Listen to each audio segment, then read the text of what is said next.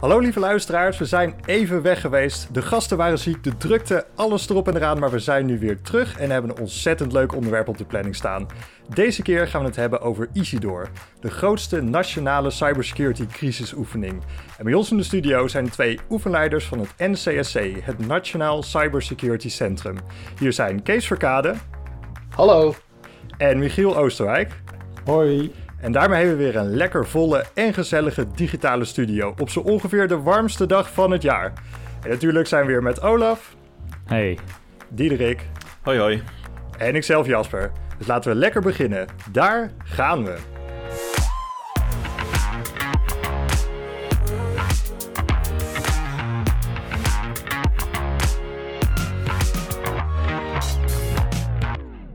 Nou, welkom terug. Zoals je net hoorde hadden we een korte break. Onze gasten waren ziek, we waren druk bezig met Challenge the Cyber voorbereidingen. Maar de afleveringen komen er nog steeds aan. Uh, voordat we naar het hoofdonderwerp gaan, uh, eerst onze gasten Kees en Michiel. Welkom. Hoi. Hoi, dankjewel. Eer, eerst even een vraagje, want ik, ik, denk niet dat alle luisteraars uh, dit eigenlijk weten. Maar wat, wat is het NCSC eigenlijk precies? Het NCSC is het, het, het Nationaal Cybersecurity Centrum. Wij zijn zeg maar de nationale CERT van Nederland. En de CERT staat voor Computer Emergency Response Team. Um, ieder land, en in ieder geval ieder land in Europa, heeft een nationale CERT. En is daarmee zeg maar, het, uh, het aanspreekpunt uh, voor andere landen. Uh, maar ook zeg maar, het aanspreekpunt in Nederland voor cybersecurity zaken. Ja, tof. En, en wat is jullie specifieke rol bij het NCSC? mijn rol is teamleider van het Incident Response Team. En mijn rol is dat ik een van de senior adviseurs crisisbeheersing ben binnen het NCSC. Kijk, en die is uh, waarschijnlijk ook, dus deze hele oefening die je net geweest was, ook helemaal binnen jouw straatje, zeg maar. ja, dit, uh, dit valt lekker binnen mijn straatje, inderdaad. Nice. Ja, heeft uh, het CERT en Incident Response nog een, een directe aan, een relatie tot deze oefening, Michiel? ja, zeker, want de, de oefening kent natuurlijk heel veel incidenten. Dus er moet heel veel incident response gedaan worden. Oké. Okay. Uh, ja, en uh, zeg maar, de, een, een, andere naam voor de CERT is, uh, is CSIRT, Computer Security Incident Response Team. maar goed, CERT, dat, dat bekt wat makkelijker. Ja, nou, we gaan het zo nog wel eventjes hebben over wat response vanuit jullie perspectief dan, dan betekent. Ja. Het is ook alweer mooi als ik één ding heb geleerd uh, van mijn tijd uh, bij uh, de politie, zo zeggen, afstuderen. dus de overheid, om zo te zeggen, is dat jullie erg van afkortingen houden. Dat komt in ieder geval weer mooi ja, naar goed, voren. Ja, ja dit, dit zijn gewoon internationale erkende afkortingen. Dus het zijn niet eens Nederlandse uitvindingen. Ik ben aan het meeschrijven voor de beschrijving van onze podcast. Een glossary komt er. Goed. Nou, we gaan het vandaag natuurlijk hebben over de grootste nationale cybersecurity crisisoefening die vorige week plaatsvond. Isidor. En als het goed is, hebben wij daar een, een bandje bij. Begin juni 2021. Nederland wordt getroffen door meerdere cyberaanvallen. Met grote gevolgen voor de samenleving. Geen of vervuild water uit de kraan, uitval van energie en uitval van digitaal betaalverkeer. Er ontstaan problemen in de transportsector, op Schiphol en in de havens. Een ziekenhuis heeft een patiëntenstop omdat ze geen nieuwe patiënten meer kunnen registreren. Bij het zoeken naar oplossingen blijkt een kwaadwillende partij gevoelige data van een groot aantal getroffen vitale organisaties buiten maken. Maar met welk doel? En nog erger, dit blijkt al maanden aan de gang. Dit was het scenario van Isidor 2021. De grootste nationale cyberoefening van een digitaal incident met fysieke gevolgen. Informatie delen, samenwerken en opschalen volgens het Nationaal Crisisplan Digitaal stonden hierin centraal. Meer dan 90 organisaties en 1500 mensen oefenden mee, zodat we snel kunnen herstellen wanneer het onverhoopt echt misgaat. Om hierbij te helpen stelden we ons die ene vraag: welke rol speel jij? Heel gelikt video's in ieder geval. We zitten er opeens middenin. Dit, dit is ook wat er naar de, naar de deelnemers gestuurd is, volgens mij, toch? Uh, ja, dit kregen de, de deelnemers uh, zeg maar in de introductie ook allemaal te zien, deze video. Dus hier begon het allemaal mee? Uh, ja, eigenlijk wel, ja. Ja, ja de, de, deze deze film die hebben we inderdaad uh, opgenomen voor de Easy Door oefening om uh, deelnemers ook nog een, een, mee te sturen, zodat ze ook iets hebben om terug te blikken van hé, hey, wat hebben we nu eigenlijk gedaan? Uh, hoe zag het er ongeveer uit? Wat was het ook alweer? de oefendoelen komen er nog eens in terug. Dus het was voor ons was het ook iets moois om ja, een stukje te laten zien waar we mee bezig zijn geweest. Want ja, jullie zeiden het net ook al een aantal keer, de grootste nationale cybercrisisoefening ooit. Het was best wel een, een, een, groot ding. En we zijn er met z'n allen best wel trots op hoe we het hebben georganiseerd. En daar hoort dan wel een mooie film bij natuurlijk. Ja, hey, dat viel me ook wel op dat er zoveel mensen aan meededen. Dat is al uh, een gigantisch projectje. Ja, ja, uiteindelijk deden er 96 organisaties mee aan Isidor. En als je dat een beetje omrekent, dan betekent dat dat er tussen de 1500 en de 2000, we zullen het nooit helemaal precies weten, maar tussen de 1500 en de 2000 mensen aan mee hebben gedaan. Dus ja, tussen de 1500 en de 2000 mensen die we weer een stukje, uh, stukje meer mee hebben genomen in uh, cybersecurity en wat er allemaal speelt. Dus uh, daar zijn we erg blij mee. En, en wat voor organisaties zitten daar allemaal tussen? Ja, echt van alles en nog wat. Eigenlijk het NCSC deed mee als organisatie natuurlijk. Um, maar daarnaast uh, ook heel veel uh, partijen vanuit de vitale infrastructuur. Uh, banken deden er mee, drinkwaterbedrijven, energiebedrijven. maar ook politie, het Openbaar Ministerie. verschillende ministeries deden mee. dus ja, heel erg veel. Natuurlijk ook uh, een hoop CERTs, uh, partijen uit het landelijk dekkend stelsel, waar we als NCSC mee te maken hebben. Dus we probeerden in deze oefening ook het, uh, het, de, eigenlijk de fysieke wereld, de wereld van maatschappelijke ontwrichting, crisisbeheersing, dingen die uitvallen, dingen die kapot gaan, probeerden we echt bewust te koppelen aan die cybersecurity wereld. Dus in het cybernetwerk en het cyberdomein, waar de problemen eigenlijk moeten worden opgelost, informatie moet worden gedeeld en hoe dat dan samen zou werken met dat fysieke domein. Daar, daar hebben we vooral naar gekeken. Oké, nice. heel tof en nuttig. Wat is dat uh, landelijk dekkingsstelsel? Uh, het landelijk dekkend stelsel uh, is, is eigenlijk iets dat bedacht is omdat Nederland zeg maar te groot is voor het NCSC om in zijn eentje te bedienen. Het NCSC is op dit moment nou, 100, zeg maar 150 man groot.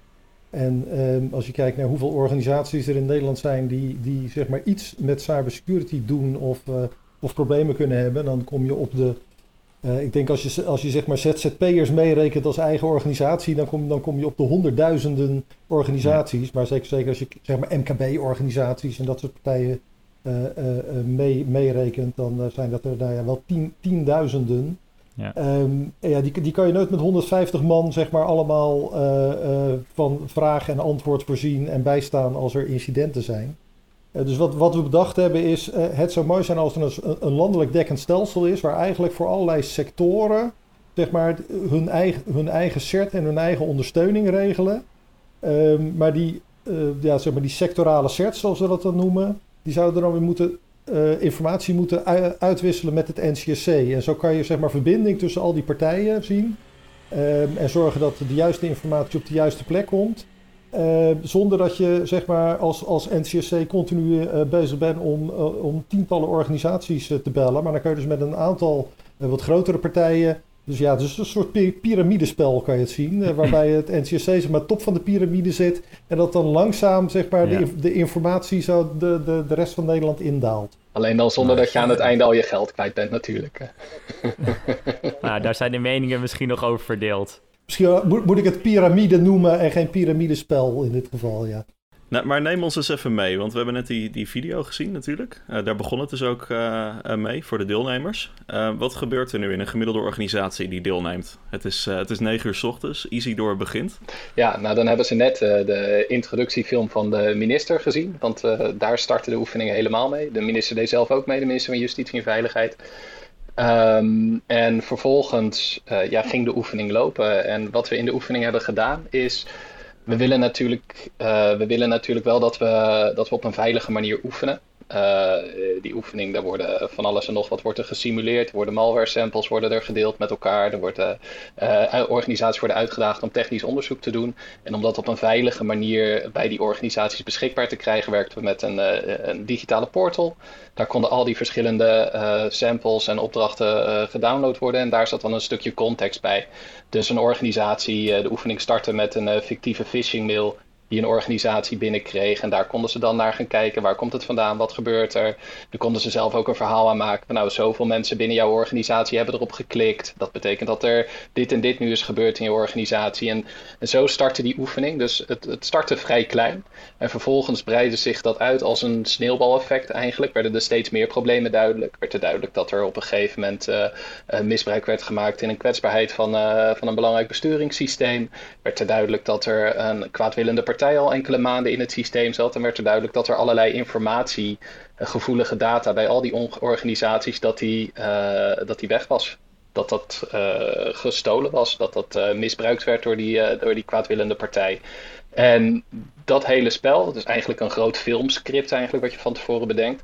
Dat speelde zich in twee dagen speelde zich dat af bij al die verschillende getroffen organisaties. Dus het begon allemaal vrij klein met de computerteams die aan de slag gingen.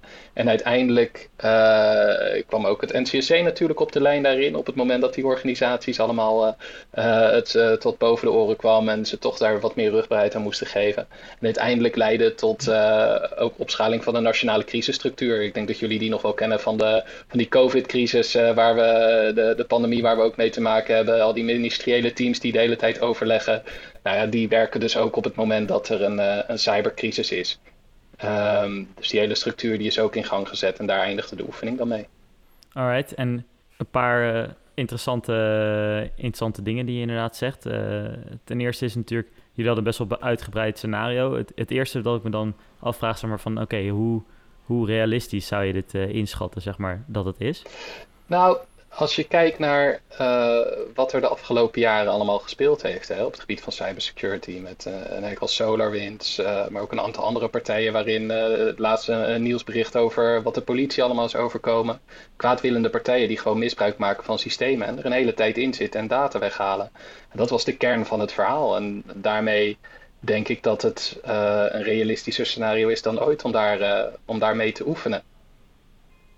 Nice. En dan daarop inhaken direct. Uh, in dit geval was het scenario dat het al enkele maanden aan de gang was, zoals ook in de video uitgelegd.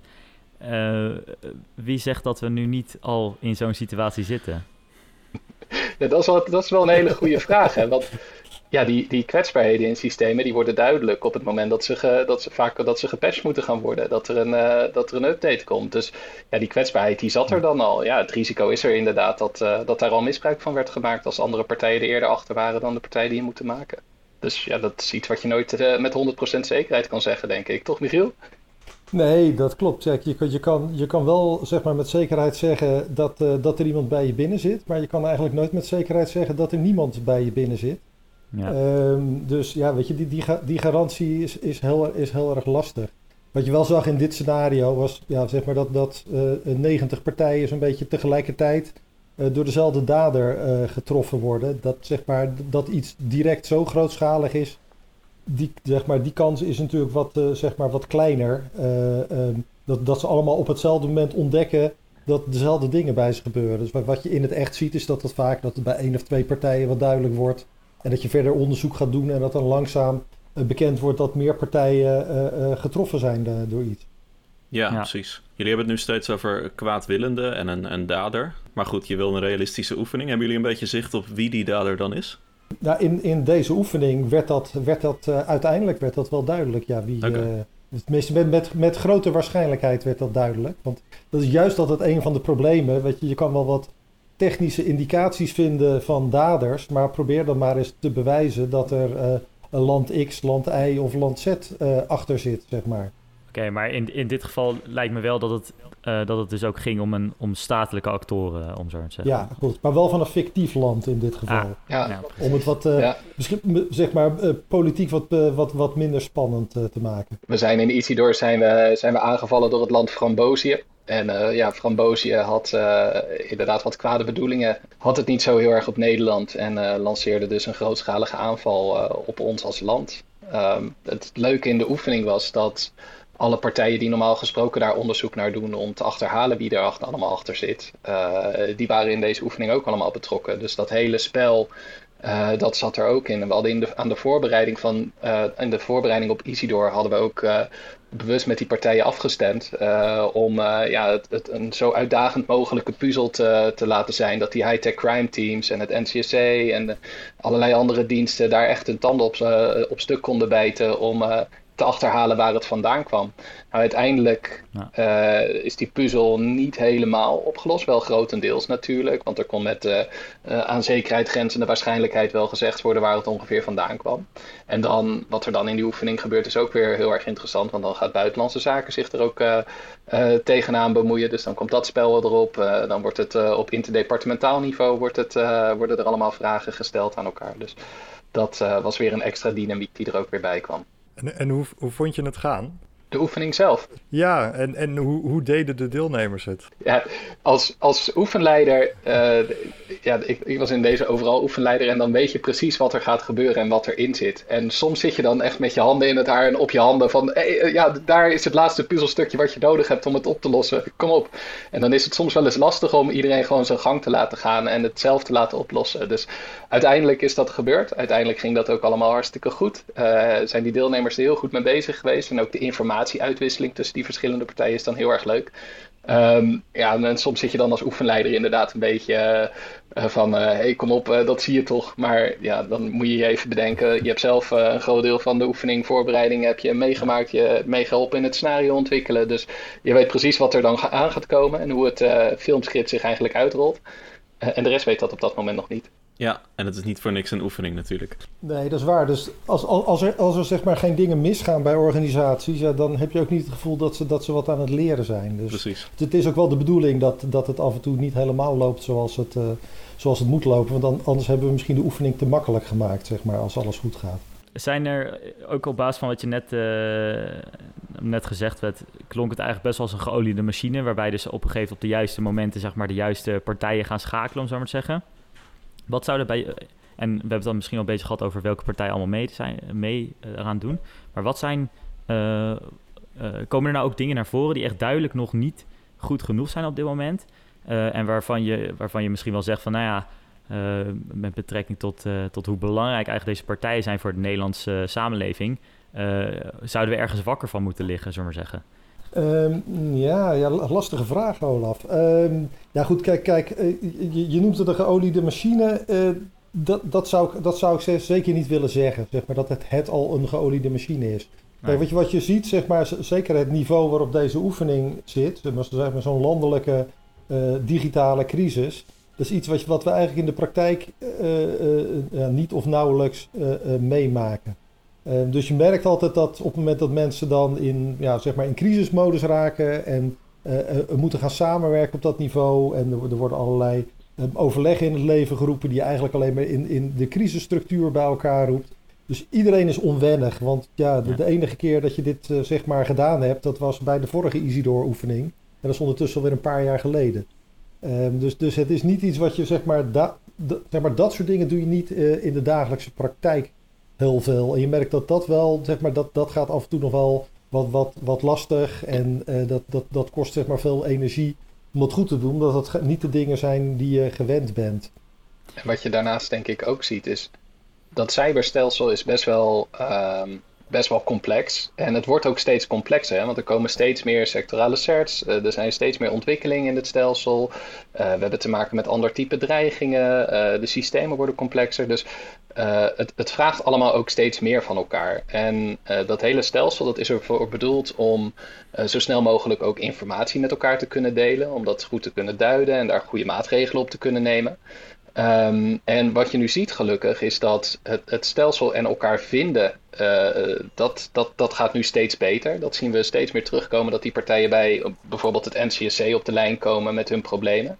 Alleen de stap maken van het, het melden dat er iets is naar het delen van het concreet delen wat er aan de hand is. Het gaan van data met elkaar delen naar informatie met elkaar delen. Ik denk dat dat nog een belangrijke winst is die we met z'n allen in Nederland wel kunnen maken. Zodat we ook met z'n allen daar een, een, goed beeld op kunnen, kunnen creëren van hoe erg is deze situatie nu eigenlijk? Want een organisatie kan wel aan ons melden als NCSC bijvoorbeeld dat er iets mis is in hun systemen. Uh, maar ja, dan hebben wij een melding dat er bij een organisatie iets mis is in hun systemen. En wij hebben die organisatie dan wel nodig om ook goed te kunnen achterhalen wat dat dan betekent voor die organisatie. En wat dat dan betekent voor de partijen rondom die organisatie. En hoe die keteneffecten er dan uit gaat zien. Um, en die stap, die laatste stap, om dat meer duidelijk te maken. Ik, denk, ik hoop dat Isidor daar heel erg aan bijgedragen heeft. Dat dat nu tussen de oren is. En dat we daar weer, uh, weer mee verder kunnen. Wat, wat, wat zeg maar, die oefening natuurlijk ook heeft bijgedragen, is dat al die organisaties op zich zeg maar, ook gewoon hun, hun incident uh, response hebben geoefend. Hè, dus ja. uh, wat doen we nou op het moment dat er opeens een phishingcampagne onze kant op komt? Ja. En wat doen we op het moment dat we uh, te horen krijgen dat er wat systemen uit de lucht zijn en we moeten zeg maar, ons netwerkverkeer gaan analyseren? Hè, wat gaan we dan doen? En kunnen we dat zelf? Hebben we daar de, de, de kennis en capaciteiten voor in huis? Of moeten we daar juist externe partijen voor, uh, voor vragen om dat te doen? Ja, ja. En, en als je kijkt naar, um, uh, kijk, er is best wel veel in het nieuws over uh, überhaupt security incidenten, om zo te zeggen. En dat overkomt iedereen. Um, voor sommige criminelen zal er misschien een focus zijn op vooral organisatie waarbij er veel financieel gewin mogelijk is. Um, dat, dat kan misschien voor een, voor een vitale organisatie anders liggen. Bovendien uh, blijven ze soms weg daarvan expres om niet uh, een soort politieke rel te ontketen, om zo maar te zeggen. Maar op het moment dat er wel een security incident is bij zo'n vitaal bedrijf, is het dan altijd ook een zaak voor het NCSC? Of hangt dat af van de ernst? Of is het een combinatie van beide? Wa wanneer haken jullie wel en niet aan? Het, heeft wel een beetje te maken met de ernst van het incident. Zeg maar. bij, uh, we hebben een phishing mail ontvangen. Dat zal in veel gevallen niet bij het NCC gemeld worden. Maar we hebben een phishing mail uh, ontvangen. Uh, er is op geklikt en er begint nu ransomware zich te ontwikkelen. Ja, weet je, dat zijn wel de dingen die ze bij ons moeten melden. Want dat kan namelijk impact hebben op de, de, ja, het proces dat zo'n vitale partij ondersteunt of uitvoert. Ja, precies. We hebben, ja, jullie lieten het zien, er is, een, er is echt een stelsel in Nederland. Um, denken jullie dat het stelsel een beetje dekkend is? Uh, nog niet. Uh, het is, zeg maar, het, is, nee, het is een stelsel in opbouw. Hè? Ja, dus, dus er zitten ja. nog op allerlei vlakken zitten nog, uh, ja, zeg maar, witte vlekken. waar, ja, goed, waar je op een gegeven moment tegenaan loopt. Van goh, zeg maar, in die sector, daar zou eigenlijk ook wat opgezet moeten worden. En ja, dus dan, wat, je, wat je dan gaat doen is zeg maar, partijen in die sectoren een beetje stimuleren om daar wat, uh, wat, wat, mee te doen. Um, en, en zeg maar om te gaan kijken hoe ze die samenwerking op gang kunnen krijgen. En in, in sommige sectoren loopt dat heel goed. En soms is dat uh, zeg maar afhankelijk van zeg maar, het type dienst dat partijen leveren. Maar je hebt bijvoorbeeld ook uh, organisaties die zich meer regionaal samenvoegen en, en gaan samenwerken. dus dat, dat is heel, heel verschillend. Dus je krijgt op, op verschillende niveaus krijg je, zeg maar, samenwerkingsverbanden erin. Ja, precies. Maar wie, wie staan er nog op je verlanglijstje? Uh, dat ga ik hier niet zeggen, zeg maar, wie, wie het nog niet op orde heeft. oké, okay. lijkt omdraaien. Wat, wie, zijn, wie, uh, wie zeg je van, oké, okay, nou, en als je, het, als je het doet, dan moet je het zo doen. Zoals zij het nou, ook ik, doen. Ik, ik, ik, zeg maar, ik, ik vind dat de, uh, bijna alle vitale partijen hebben het eigenlijk wel goed op orde. dus dat, dat, dat vind ik wel geruststellend. Um, en zeg maar de, de, ja, de multinationals en dergelijke, die, die hebben het in heel veel gevallen ook, ook, ook heel goed op orde. Ik denk met name zeg maar, in het midden- en kleinbedrijf, uh, wat toch zeg maar, een heel belangrijk deel is van de Nederlandse economie, dat ja. daar nog vaak zeg maar, uh, te weinig aandacht is. En die, die zit ook heel erg met uh, zeg maar, de afweging van wat voor kosten maak ik om mijn cybersecurity op orde te brengen. Hè, zeker nu bijvoorbeeld in coronatijd. En wat, wat, wat zeg maar, hoe, of zeg maar, besteed ik mijn geld om mijn personeel nog, nog een paar maanden langer in dienst te houden. Dus dat zijn ja. best wel lastige afwegingen die dat soort partijen uh, ja. moeten maken. En omdat ze wat kleiner zijn, is het ook gewoon lastig om die kennis in huis te halen. Ja, hoe, dat snap hoe ik. ondersteunen jullie deze partijen dan toch? Um, ja, dat, die ondersteunen wij uh, zeg maar door uh, kennisproducten uit te brengen. Hè. Bijvoorbeeld op onze, op onze website staan factsheets waarin, waarin zeg maar, ja, vaak een beetje gericht op systeemmanagers of op CISO beschreven staat van nou, hè, voor bepaalde problemen, zeg maar, pak dat op deze manier aan. En, en zeg maar, uh, dit zijn bijvoorbeeld een aantal basisregels of een basismaatregelen die je in ieder geval zou moeten uitvoeren om te zorgen dat je dat probleem hebt, hebt afgedekt. Um, maar verder, met name voor, voor die midden- en kleinbedrijven, moet dat dus eigenlijk bij andere partijen binnen dat landelijk dekkend stelsel komen te liggen. die wij wel van informatie kunnen voorzien. Hè, e-, een van de dingen bijvoorbeeld die wij geregeld binnenkrijgen, zijn meldingen van, van kwetsbare systemen of van, van besmette systemen. Um, ja. goed, dan krijgen we weer een, een lijst met IP-adressen binnen. En een heel groot deel daarvan zijn IP-adressen die bij uh, MKB-bedrijven horen. Nou goed, dan gaan wij via, via onze partners in dat landelijk dekkend stelsel, gaan wij de partijen uh, die daarin zeg maar, in voorkomen, proberen wij dan weer te informeren. Maar zeg maar, om van een IP-adres naar een organisatie te komen, dat wil nog wel eens lukken. Maar om dan van die organisatie ook nog eens te weten bij wie moet je dan zijn om te melden dat ze een kwetsbaar systeem hebben, dat is nog wel een stapje lastiger, zeg maar. Dat is ook niet iets wat heel makkelijk te automatiseren is, uh, dat proces. Dus dat betekent dat, ja, nou, hè, als je het hebt over, over tienduizenden uh, MKB-organisaties, dat er eigenlijk altijd heel veel handwerk bij komt kijken om die partijen te bereiken. Het klinkt wel als echt een hele grote verantwoordelijkheid voor toch uh, een relatief kleine groep mensen. Ja, dat, dat is het ook. Uh, maar goed, vandaar dat ik dat wel altijd zeggen, wij kunnen het niet alleen. Dus uh, cybersecurity is, is een gedeelde verantwoordelijkheid. En wij hebben daar als nationale CERT wel een belangrijke rol in. Maar in principe is natuurlijk iedere organisatie toch verantwoordelijk voor zijn eigen cybersecurity. En net zoals jij ook thuis voor verantwoordelijk bent dat er een goed slot op je deur zit toch nog even in het hypothetische scenario dat dus heel Nederland wordt geraakt uh, door een aanval, dan heb je dus eigenlijk niet genoeg aan om alleen maar uh, samen te werken met de vitale organisaties. Want er, er zijn er gewoon nog heel veel andere kleinere mensen, spelers, om zo maar te zeggen, die ook meedraaien in het, in het, in het Nederlands systeem. En daar draait uh, Nederland ook op, zo maar te zeggen. Zou je, zou je dat ook kunnen oefenen, zeg maar? Hoeveel groter kan je zo'n oefening nog maken om het nog behapbaar, zeg maar, te maken? nou ja, ik, ik vond hem eerlijk gezegd nu met 96 organisaties en uh, eh, 2000 deelnemers vond ik hem al aardig groot. Um, ja. Als je kijkt naar de vorige versie van EasyDoor, toen deden er volgens mij een stuk of 40 organisaties mee en uh, misschien 200 mensen. Zoiets, uh, veel kleiner. Ja. Dus ik hoop eerlijk gezegd niet dat we die groei doorzetten, want dan betekent mm. het dat we de volgende keer echt een gigantische oefening aan het organiseren zijn. Um, maar weet je, al met al denk ik dat um, kijk, Isidor op deze manier, met deze partijen, hebben we al heel erg veel geraakt. En uh, Isidor zelf is natuurlijk een oefening van twee dagen, maar het meeste geleerd wordt in de voorbereiding erop. Dus in uh, trajecten naartoe waarin we organisaties laten nadenken over met welke partijen ze schakelen, met wie ze te maken hebben, dat ze bij elkaar komen om lessen te delen. Dat ze, we zagen nu letterlijk organisaties binnen dezelfde sector bij elkaar komen en met elkaar overleggen van hey, hoe heb jij je cybersecurity geregeld en hoe reageer jij hierop? Uh, oh, dat is handig, daar ga ik mijn planvorming op aanpassen. En dat traject dat gebeurde allemaal aan de voorkant. Ik denk, als we dan Isidor een volgende keer gaan organiseren, dan zullen er ongetwijfeld meer organisaties meedoen als dit keer, denk ik.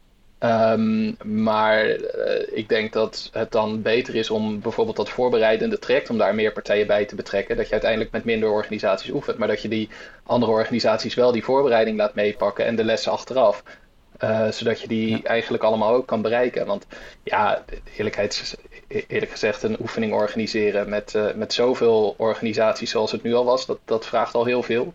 Ja, en als je dat nog twee keer zo groot wil maken, dat, dat wordt echt gigantisch. Dat is bijna niet meer te overzien. Dan, uh, het wordt heel erg complex, ben ik bang. Dat snap ik. Ja, en wat je hier ook zou kunnen doen, um, Olaf, is natuurlijk zeg maar, juist binnen die sectoren zeg maar, gerichte oefeningen doen dus als je het hebt over, ik noem maar wat, de, de, de voedsel, de, de, de supermarktsector met zijn leveranciers, die kunnen dat natuurlijk best zeg maar binnen zo'n keten uh, een, een oefening doen. Weet je? En dat kan dan losstaan van bijvoorbeeld een, uh, een, een, een oefening, um, ik noem maar wat, in het, uh, in het havengebied of, of zoiets. Hè? Dat, zijn, dat zijn zeg maar andere sectoren die zeg maar, dat binnen hun eigen kader zouden kunnen, kunnen oppakken. Precies, want je, je zit ook heel snel aan een groot aantal. Hè? Want bijvoorbeeld als je kijkt naar uh, gemeenten in Nederland. Nou, hoeveel gemeenten hebben we in Nederland? Zo'n uh, zo'n 400, 500 ongeveer? om en nabij, zoiets. Ja, ongeveer. Best wel heel, best wel heel erg veel. Maar ik geloof je direct. Die hebben allemaal een eigen cybersecurity organisatie. De een wat beter op orde dan de andere. Die hebben één uh, sectorale CERT die erboven zit, uh, de, de IBD. Nou, daar schakelen wij dan weer mee. In Isidor deed de IBD mee. Maar er deden gelukkig geen uh, 400, 500 gemeenten mee. Want uh, het is ook... Nee, exact. Dan krijg je te veel mensen ja, bij. Dus ja. de, de, de truc is ook om, om een zo representatief mogelijk beeld te krijgen van, van Nederland. En dat wil niet zeggen dat iedere organisatie mee moet doen. Maar als we dan een aantal gemeentes uh, samen met de IBD laten aanhaken... dan, dan zegt het alweer iets meer dan uh, gewoon die hele sector niet, bij wijze van.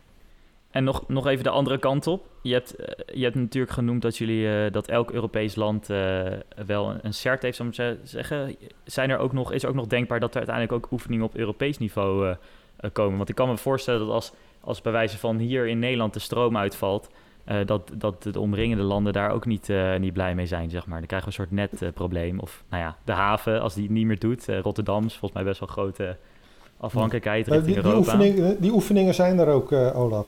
Ah, dus zeg maar Euro Europees niveau. Alleen dan is het niet weer dat, zeg maar, op, Euro op Europees niveau krijg je dan vooral dat dan weer de nationale certs met elkaar oefenen. Hè? Van hoe wisselen wij informatie ja. met elkaar uit, zonder dat je dan weer die hele poot, zeg maar, eronder hebt. Dus het is niet dat we tegelijkertijd in, uh, in 27 Europese landen zeg maar, allemaal hun eigen Isidor-oefening doen. En dan ook nog eens onderling gaan uitwisselen. Wat ja. op zich wel een leuke uitdaging zou zijn, ja. Het is wel natuurlijk precies wat er gaat gebeuren. Dat als, er, als zeg maar heel... Stel je voor dat er een, dat er een andere uh, wereldmacht denkt van... Nou, weet je, die, dat de Europese, Europese continent, zullen zeggen... gaan we even een kopje kleiner maken. Dan moet het wel allemaal tegelijkertijd gebeuren. Dus in, in hoeverre kan je je daar eigenlijk op voorbereiden? En in hoeverre is dat nodig? Nou ja, je moet dat dus stapje voor stapje doen. Hè? Dus als, als je kijkt zeg maar, op Europees niveau, uh, uh, ja, dan zijn, zijn, wij eigenlijk het schakelpunt als NCSC. Ja. Uh, dus wat wij dan doen is oefenen met onze Europese counterparts. Van goh, als, als er nou zoiets gebeurt in Nederland en er gebeurt zoiets in Duitsland, hoe wisselen we informatie met elkaar uit? En hoe kunnen we elkaar bijstaan waar nodig? Um, en ja, goed, vervolgens ga je dan weer op nationaal niveau, zeg maar, met de partijen die, die allemaal door ons bediend worden, gaan we dan weer verder oefenen. Ja. Je, ja, okay. nee, je blijft erin altijd ook. Ja. Uh, uiteindelijk is ieder land wel natuurlijk uh, voor zichzelf bezig. Hè? Want ieder, ieder NCSC in ieder land is verantwoordelijk voor de processen binnen een eigen land. En onderling proberen al die, uh, al die uh, certs dan wel informatie inderdaad uit te wisselen. Dat ze, ze niet helemaal het wiel aan het uitvinden zijn. Maar het uh, nemen van concrete maatregelen en dat soort dingen, dat is aan de partijen zelf. En zoals Michiel ook zei, we, uh, dit jaar oefenen we nationaal heel groot met Isidor. En de komende jaren staan er weer wat internationale oefeningen waar we aan gaan deelnemen. Staan er weer op de, op de rit. En dan over twee jaar is het waarschijnlijk, als het nieuwe kabinet het allemaal leuk vindt, is het weer een nieuwe Isidor. Ja, nice. jullie zijn al aan het nadenken. Zijn er, zijn er dreigingen die jullie zien waarvan jullie denken, nou, die, die hebben we nu nog niet gehad in een Isidor? Die, daar moet geoefend op worden? Nou, als je, als je kijkt, zeg maar, de, de, de, de voorbije Isidors, hè, dus in, uh, wat was het, 2015, 2017, daar ging het vooral over de uitval van, van vitale systemen. Uh, dus uh, de elektriciteit doet het niet meer, of het water doet het niet meer. Um, en, en deze keer was zeg maar de draai gemaakt van, ja, die, die, die, zeg maar, die systemen blijven wel draaien, maar er wordt opeens zeg maar, allerlei uh, hele gevoelige data wordt er, wordt er gestolen bij die organisaties. En dat gaf ook wel weer een leuke twist aan, aan de oefening. Omdat veel partijen toch zoiets hadden van... oh, oh, ja, maar alles doet het toch gewoon nog, weet je wel. Dat, uh, uh, dus dus het, je ziet dat met name ook bij, bij, vitaal, bij vitale processen... dat heel erg de aandacht is op van... ja, komt er nog water uit de kraan? En, en ja. zeg maar, is er nog stroom? En je krijgt dus een hele andere impact. En dat was best wel weer schakelen voor organisaties. Van, goh, wat, wat betekent dit nou ineens? En, en hoe ernstig is dat dan dat er bij ons uh, uh, informatie wordt weggelekt naar het buitenland? Nou, dat vraagt me eigenlijk ook wel af. Want als je zegt, er komt nog water uit de kraan en je bent een waterbedrijf, dan doe je in principe je werk, toch? Ja. Hoeveel, hoeveel, zorgen moet je nou, dan nog maken? Dat is een goed punt. Uh, en in deze was dat inderdaad ook zo. Het water kwam nog wel uit, uh, uit de kraan. Uh, en de, het Rijkswaterstaat deed ook mee. Het verkeer ging nog over de weg en de vliegtuigen vlogen nog. Schiphol deed ook mee. Uh, maar er was wel cruciale beveiligingsinformatie weg. Of informatie over hoe, uh, hoe systemen daar werkten. En wat er dan vervolgens gebeurt is, als je weet dat die informatie weg is, dan draait misschien je operationele proces nog wel door. Maar je hebt wel een gigantische dreiging, want een kwaadwillende partij weet in één keer hoe jouw systeem werkt. Hoe ze alles kunnen saboteren, hoe ze alles ja. uit kunnen zetten. Dat gaan ze niet direct gebruiken. Dus ergens in de komende tijd kan dat gebruikt, ge gebruikt worden, misbruikt worden. Of misschien niet. Maar je zit dan altijd met je, met je risico uh, wat je daarop hebt. Dus uh, je hebt een heel groot safety security issue. Dus het was vooral in deze was het de, de onzekerheid uh, die er speelde over welke informatie er weg was, wat de kwaadwillende partij ermee kon doen, wat dat voor consequenties had wel voor het operationele proces en in hoeverre je dat met elkaar kon delen en wilde delen. Dat was waar het in deze Isidor voornamelijk over ging was het dan nog, misschien als laatste nog ook een soort eye-opener voor, uh, voor partijen dat ze zeiden van, oh, dit scenario heeft me wel even wakker geschud. Uh, laat ik toch nog maar even een keer gaan kijken of we niet, uh, ja, of, er niet al, of er niet al iets is gebeurd. Om zo te zeggen, de afgelopen tijd. Of misschien op dit moment wel. ik weet niet of partijen echt zijn gaan kijken of er daadwerkelijk al iets was gebeurd. maar er zijn wel heel veel partijen geweest die die dit scenario, uh, dit, dit, probleem wat er geschetst was, uh, nog niet zodanig hadden uitgewerkt. Want wat Michiel zojuist ook zei, uh, bij heel veel partijen ligt gewoon de focus op het leveren van een primaire dienst en het zorgen dat dat niet uitvalt. Ja. Um, en niet zozeer op welke gevoelige informatie heb je allemaal. En het ging in deze dan niet om persoonsgegevens, want je ziet hier en daar nog wel eens wat in het nieuws voorbij komen dat er persoonsgegevens weg zijn. Nou, dat hebben de meeste mensen wel inmiddels door hoe dat allemaal werkt.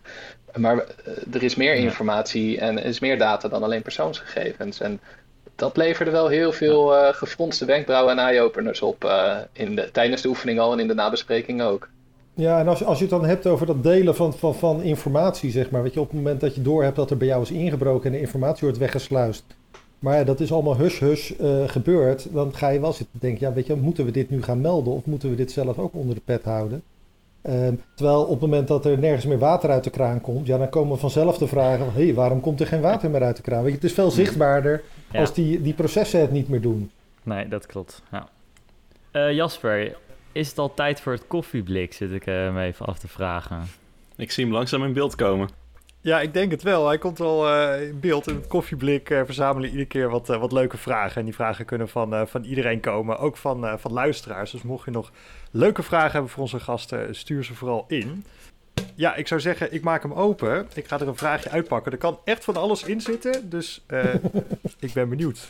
Nu wordt het persoonlijk hoor. Ja, dat zou dus kunnen. Hè? Dat, wij bieden geen garanties. Is goed, maat. Even kijken. Nee, ik heb, er, ik heb een vraagje uitgepakt. Uh, zijn er uh, eigenlijk complicaties geweest uh, tijdens deze editie van Isidor? Complicaties? Ehm, ja, er zijn, wel, er zijn wel een paar kleine dingetjes gebeurd. nou ja, complicaties. Ja. niet zozeer oefentechnische complicaties. Maar uh, één ding wat bijvoorbeeld speelde was, uh, we zaten tijdens Isidor met een, uh, met een coördinatiestaf van ongeveer 100 personen. Zaten we uiteraard helemaal conform coronaregels, maar zaten we bij elkaar in, een, in het vergadercentrum bij het ministerie. En nou, de oefening was halverwege de ochtend, toen ging het brandalarm in één keer af. Uh, in een van de torens. Ja, en dan zit je toch eventjes te schakelen van... hey, uh, gaan we nu deze hele oefening straks coördineren vanuit het Malieveld... of uh, moeten we het op een andere manier gaan doen? Het was gelukkig heerlijk weer, dus dat gekund. De, nog even voor de duidelijkheid, dat brandalarm hoorde dus niet bij nee, de oefening? Nee, brandalarm hoorde niet bij de oefening. er werden wat mensen erg zenuwachtig. Okay. Dus, maar goed. Nee. um, da da daarop volgend, overigens bij een van de meeoefende organisaties... die heeft daadwerkelijk moeten ontruimen tijdens de oefening. Dus die, die, daar, daar is dat wel gebeurd. Hmm. Ik heb ook nog wel één complicatie die ik, die ik wil noemen. En dat was zeg maar een complicatie dat uh, deelnemende partijen aan de oefening zeg maar zelf injects gingen bedenken die het scenario een beetje in de wielen reden. Uh, we hadden op een gegeven moment zeg maar, tijdens de oefening een, een beveiligingsadvies voor veelgebruikte software uitgebracht. En vlak daarna meldde een partij bij ons dat de, de, de organisatie waar die software van was, dat die zeg maar, zelf ook gehackt was. En dat dus zeg maar, de, de software-update die ze hadden uitgebracht, dat die uh, niet betrouwbaar was. Dus dat die niet uitgevoerd mocht worden. Uh. Um, maar ja, goed, er was maar één partij die dat, die dat meldde. Uh, dus, uh, dus, zeg maar het team bij ons wat ermee aan de slag was, die raakte wel enigszins in verwarring. Van ja, is dit nou onderdeel van de oefening of niet? En, maar goed, ze kregen dat van één partij en vervolgens gingen ze navraag doen. Maar dat was eigenlijk vlak voor het einde van dag één. Dus toen ze zeg maar contact zochten met die partij, zeiden ze ja, het is nu vijf uur geweest, oefening is uh, gestopt. Dus uh, maar morgen kunnen, kunnen we antwoord uh, erop geven. Maar ja, nou ja. Goed, toen, toen, kwamen ze even bij mij als oefenleider terecht. Van god, dit is bij ons gemeld. is dit nou onderdeel van de oefening of niet? Dan heb ik toch wel gezegd, nou, weet je, maak je maar niet al te veel zorgen. Ik denk dat ze daar gewoon zelf wat te veel fantasie hebben gehad bij die partij. Ja, en dachten dat ik... de oefening nog niet spannend genoeg was. oh, nice. Nog, nog even zodat ik vanavond lekker kan slapen. Als, als zeg maar een echte crisis is in Nederland, dan uh, zijn ze nog wel na vijf uur open? Of, uh... Zeker. Ja, ja, ja. Nee, dat was, dat was, wel, was wel heel geruststellend voor de deelnemers. Normaal gesproken gaan we dan gewoon vier, zeg maar 7 keer 24 door. Ja. Um, en uh, in dit geval was het wel mooi dat gewoon het scenario keurig werd stopgezet om, uh, om vijf uur s middags. Ja. Maar ook, ook nu zag je dat sommige organisaties die zaten er zo erg in. Uh, en we hadden inderdaad vanuit de oefenorganisatie hadden we tegen al die organisaties gezegd van nou om vijf uur is het wel even klaar. En dan gaan we de volgende ochtend gaan we om negen uur weer verder. Maar ja, dan zie je vervolgens toch om half twee s'nachts zie je nog mails binnenkomen van uh, de enthousiaste mensen die ergens op een sok zitten, die nog uh, malware aan het analyseren zijn en codes aan het hmm. kraken zijn en die eruit zijn. Die denken van ja, we hebben dit en dit. en die gaan dat dan met elkaar delen. Dus het maakt ook wel wat los. Het, het, maakt ook wel een soort fanatisme in de mensen los. En dat is ook wel leuk om te zien. En ook wel herkenbaar. Herkennen wij van de CTF's die we spelen. Ja. Ik ga er nog een vraagje uithalen. Go, Jasper. Eens even kijken, wat staat er op deze? Tromgeroffel, spanning stijgt. Hebben jullie zelf als organisatie nog wat kunnen leren van het uh, Isidore-scenario? Nou, die, zal ik, die zal ik uh, beantwoorden. Ja, we, we, hebben zeker een hoop, uh, een hoop kunnen leren van deze oefening. Um, uiteindelijk, um, zeg maar, als je, als je kijkt naar de, de, ja, de oefening zelf, hebben er, ik denk, zo'n 40 mensen van het NCSC actief meegeoefend. Um, dus dat is ja ongeveer een, een, een kwart van de organisatie. Ehm, eh, en dat uh, we hadden een heel klein team uh, dat we van tevoren hadden ingepland. En eigenlijk hadden we tegen de rest van de, van de organisatie gezegd van nou, het, mo mogelijk is er die dagen een opschaling, zoals we dat noemen. Dus dan, dan, dan, dan gaan we wat, wat harder aan het werk voor, voor grootschalige incidenten. dus hou er rekening mee dat de telefoon gaat, dat je gebeld wordt en dat je mee moet gaan helpen, want het is crisis. Um, en ja, goed, dus er zijn heel veel uh, van, vanuit dat team van tien man ongeveer, die waren inge, uh, ingepland. Er zijn er heel veel mensen in die twee dagen vervolgens bijgeroepen om, om, om mee te helpen. Um, nou goed, e-, een van de dingen die we bijvoorbeeld als NCSC in, in ons normale werk gewend zijn, is dat we organisaties die, die meldingen bij ons doen, dat we die best wel veel persoonlijke aandacht geven. Dus ze komen, ze komen met een melding, we gaan eens nabellen, vragen, heb, je, heb je ondersteuning nodig, heb je, heb je hulp nodig? Op het moment dat, dat 40 of 50 organisaties tegelijkertijd een melding maken. Want ja, al die organisaties kregen op hetzelfde moment dezelfde injects. Uh, ja, dan merken we dat het toch wel heel moeilijk is om zeg maar, nog persoonlijke aandacht te geven. Terwijl dat wel, ja, zeg maar, de organisaties verwachten dat wel een beetje van ons. Dus we, ja, we hebben ze ook wel wat, wat verwend daarin de afgelopen jaren. Maar dan moet je dus eigenlijk een andere manier van communiceren gaan zoeken. Hè? Dus dan moet je ja, zeg maar, het type vraag dat er komt moet je, moet je gaan verzamelen. En dan moet je, moet, moet je om de zoveel tijd, bijvoorbeeld om de vier uur, zeggen van komen gewoon met een, uh, met een algemeen bericht. Wat we naar alle, al onze uh, meespelende organisaties sturen. Waarin jullie op de hoogte brengen van wat is nu de situatie. Hè? Dus een soort uh, communiqués die je eens in de zoveel tijd naar buiten stuurt. Omdat het gewoon ondoenlijk is om zeg maar 40, met 40 organisaties in contact te blijven op deze schaal hebben jullie dus nog geen dingen gezien? Nou, ik denk dat de, de laatste keer dat we dit operationeel enigszins op deze schaal gezien hebben, dat was anderhalf jaar geleden toen er met Citrix uh, van alles ah, mis was, zeg maar begin 2020. Dat, uh, ja. dat, dat, dat zat wel bijna op het niveau dat we nu ook in, de, in de, de, de oefening hadden. Alleen wat je nu in de oefening zag, was dat het echt was samengeperst in twee dagen. En bij Citrix had dat een veel langere aanloop tot dat daadwerkelijk zeg maar, uh, echt misging hebben nog een heel mooi cyberwoord ook aan overgehouden. De Citrix-file. Ja. Maar daar kunnen de mensen nog terugkijken. Hebben jullie ongetwijfeld zelf ook ingestaan? Uh, ja, wij, uh, wij uh, waren daar wel trots op, ja. Dat we ja. zeg maar, de Citrix-file hadden weten te veroorzaken. het is ook bijna het woord van het jaar geworden in 2020. Ja, we werden alleen overvleugeld door corona. Toen kwamen er allerlei corona-woorden, ja. Ja, het is dat dat er overheen kwam. Weer iets wat corona heeft afgepakt. Ja, precies. Maar ik, ik, ik vind het wel een leuk bruggetje eigenlijk. Want, uh, want, de deksel zit weer uh, op het koffieblik. En we gaan inderdaad door naar het, uh, naar, het cyberwoord van de maand. vorige maanden, of eigenlijk alweer even geleden, hebben we gehoord van de digibetocratie en de datalekkernij. En we zijn natuurlijk deze aflevering ook weer op zoek naar wat is nu het cyberwoord van deze maand. Dan ga ik toch even de vloer geven. Ik denk eerst aan, aan Diederik. Ja, ik, um, ik was pas een beetje aan het scrollen op Twitter. En toen kwam er een uh, hele leuke retweet langs van een account dat uh, leest automatisch alle NOS-nieuwsartikelen. En die, pakt daarin, die zoekt daarin de woorden die de NOS nog nooit eerder heeft genoemd. Dus ik dacht, nou, dat is een gouden bron voor cyberwoorden. En dat bleek het ook te zijn, dus ik ben iets verder gaan scrollen. En het eerste cyberwoord dat ik daarin tegenkwam was crypto-communicatiediensten. Ah, dus de, de, de PGP-telefoons, dat is alweer achterhaald volgens mij. En dat soort zaken, of is niet dat? Ja, ik denk het wel. Ik denk in, in die context uh, kwam het woord voor. En dat is inderdaad heel relevant, want de politie heeft vorige week... Uh, nou ja, ze waren geïnfiltreerd in een uh, bedrijf dat die telefoons verkoopt. En hebben op die manier heel veel mensen opgepakt. Dat heeft verder niks met NCSC te maken, toch? Dat soort zaken. Um, nee, niet, uh, niet echt. Nee. nee. Het, is, het is wel zeg maar op het moment dat dat soort telefoons lek zijn, zouden eigenlijk partijen bij ons melding moeten maken van: Goh, uh, er zijn lekke telefoons. Kunnen jullie zorgen dat die telefoons gerepareerd worden? dat is denk ik ook nog nooit voorgekomen. dat, dat, is, dat is namelijk onze taak in, in, in, in cybersecurity lands. Om te zorgen ah, okay. dat eigenlijk de, de IT-middelen veilig blijven. Dus uh, ja, dat, dat zouden we met, met dit soort zaken... Ja, dat, zeg maar, dan, dan krijgen we die rare afwegingen. Hmm. Ja, dat klopt. Dat wordt een soort ethische dilemma inderdaad. Nu waren de partijen die ze gebruikten geen vitale partijen gelukkig. Dus dat... Uh... Nee, gelukkig niet, nee. Nou ja, het is maar, het is maar net wie het vraagt, hè. Want sommige mensen die, uh, die kunnen niet uh, zonder een, uh, een wekelijkse, nou ja... Een wekelijkse portie, ja. Ja, dat is waar. nou ja, laten we daar niet te ver in duiken. ik, heb, ik heb het een en ander gelezen over, ehm, over oliepijpleidingen die het niet meer deden. kaas dat niet meer naar de supermarkt uh, kwam. En bij kaas kun je dat nog afvragen of het woord uh, terecht is, maar bij de oliepijpleidingen zeker. En ook wat jullie doen uh, bij Vitaal. En dat is eigenlijk is dat gewoon cyberterrorisme. Dus dat zou mijn inbreng zijn voor het woord van de maand. Nou, twee woorden. Ik zie ook twee gasten. Misschien willen die wel een woord kiezen uit deze twee prachtige inzendingen. Ja, ik zeg maar, cyberterrorisme is, is een woord waar ik altijd een probleem mee heb. Dus ik, ik, ik ken de term namelijk al, al een tijdje langer.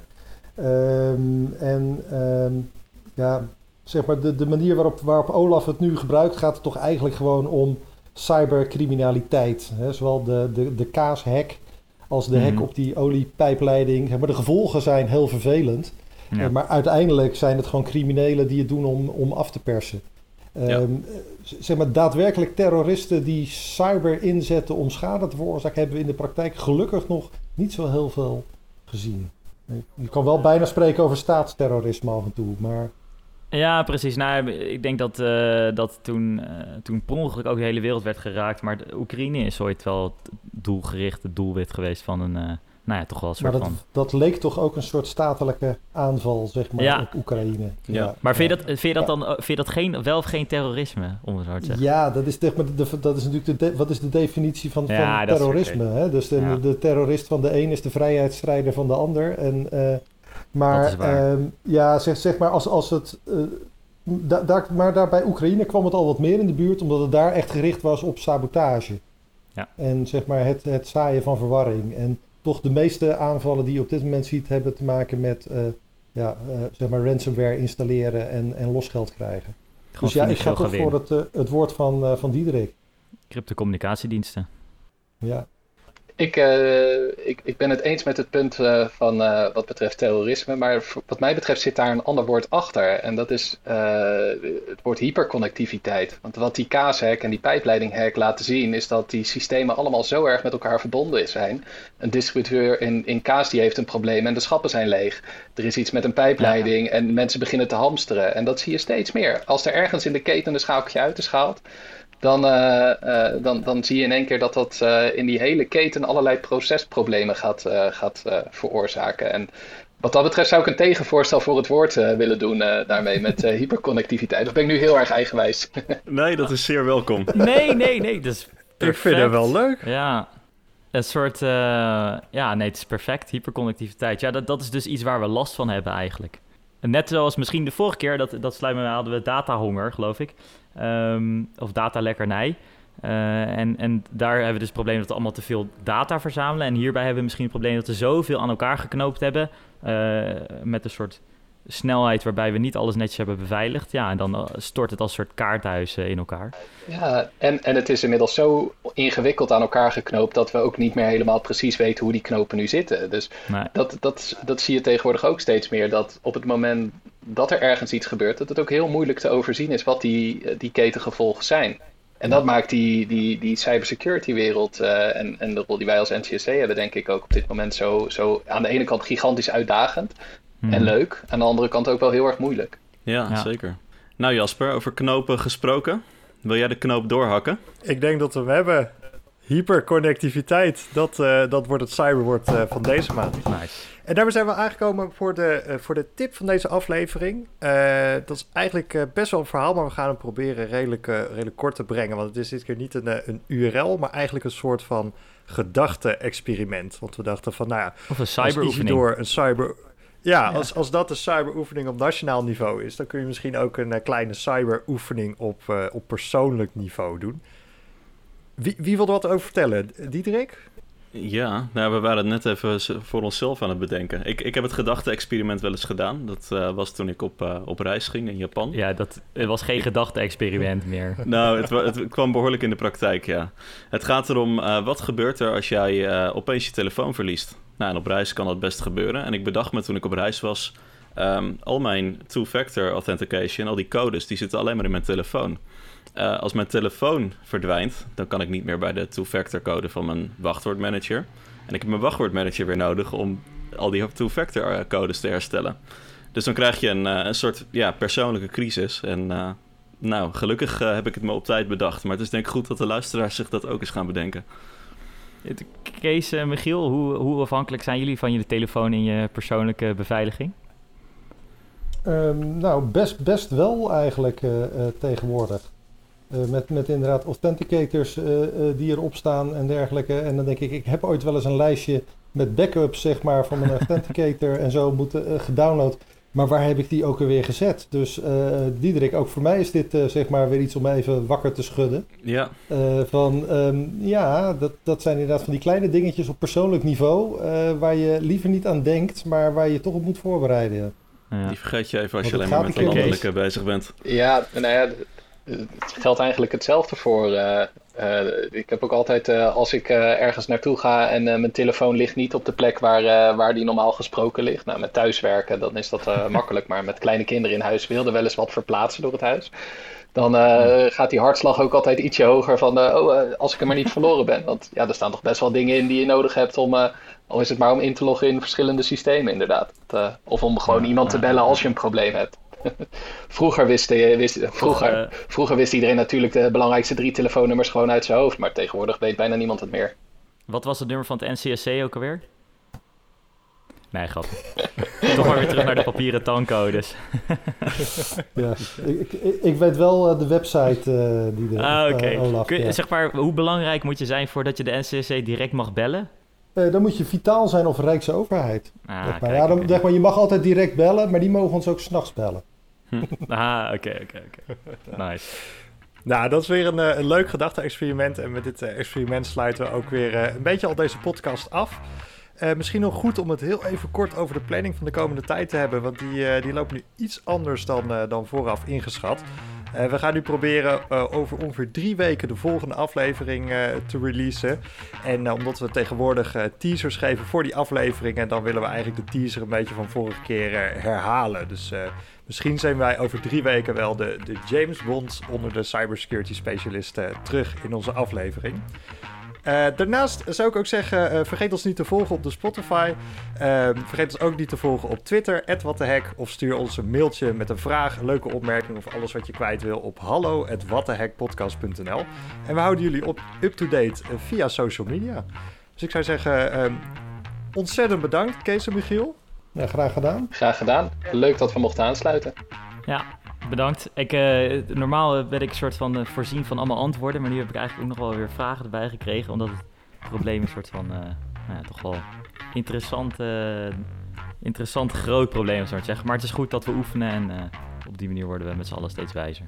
We spreken elkaar wellicht over twee jaar weer, toch? Precies. Ja. Wie weet, ja. Misschien oefenen jullie dan wel mee. Ja. ja. Wat als de vitaalste podcast van Nederland wordt gehackt? Precies. Ook vitaal, toch? Jazeker. Ja. ik hoop het wel dan. Nice. En daarmee sluiten we toch echt af voor deze keer. Dit waren Kees. Doei doei. Michiel. Doei. Olaf. Ciao. Diederik. Joejoe. En ikzelf Jasper. En we zien jullie over drie weken weer terug. Doei!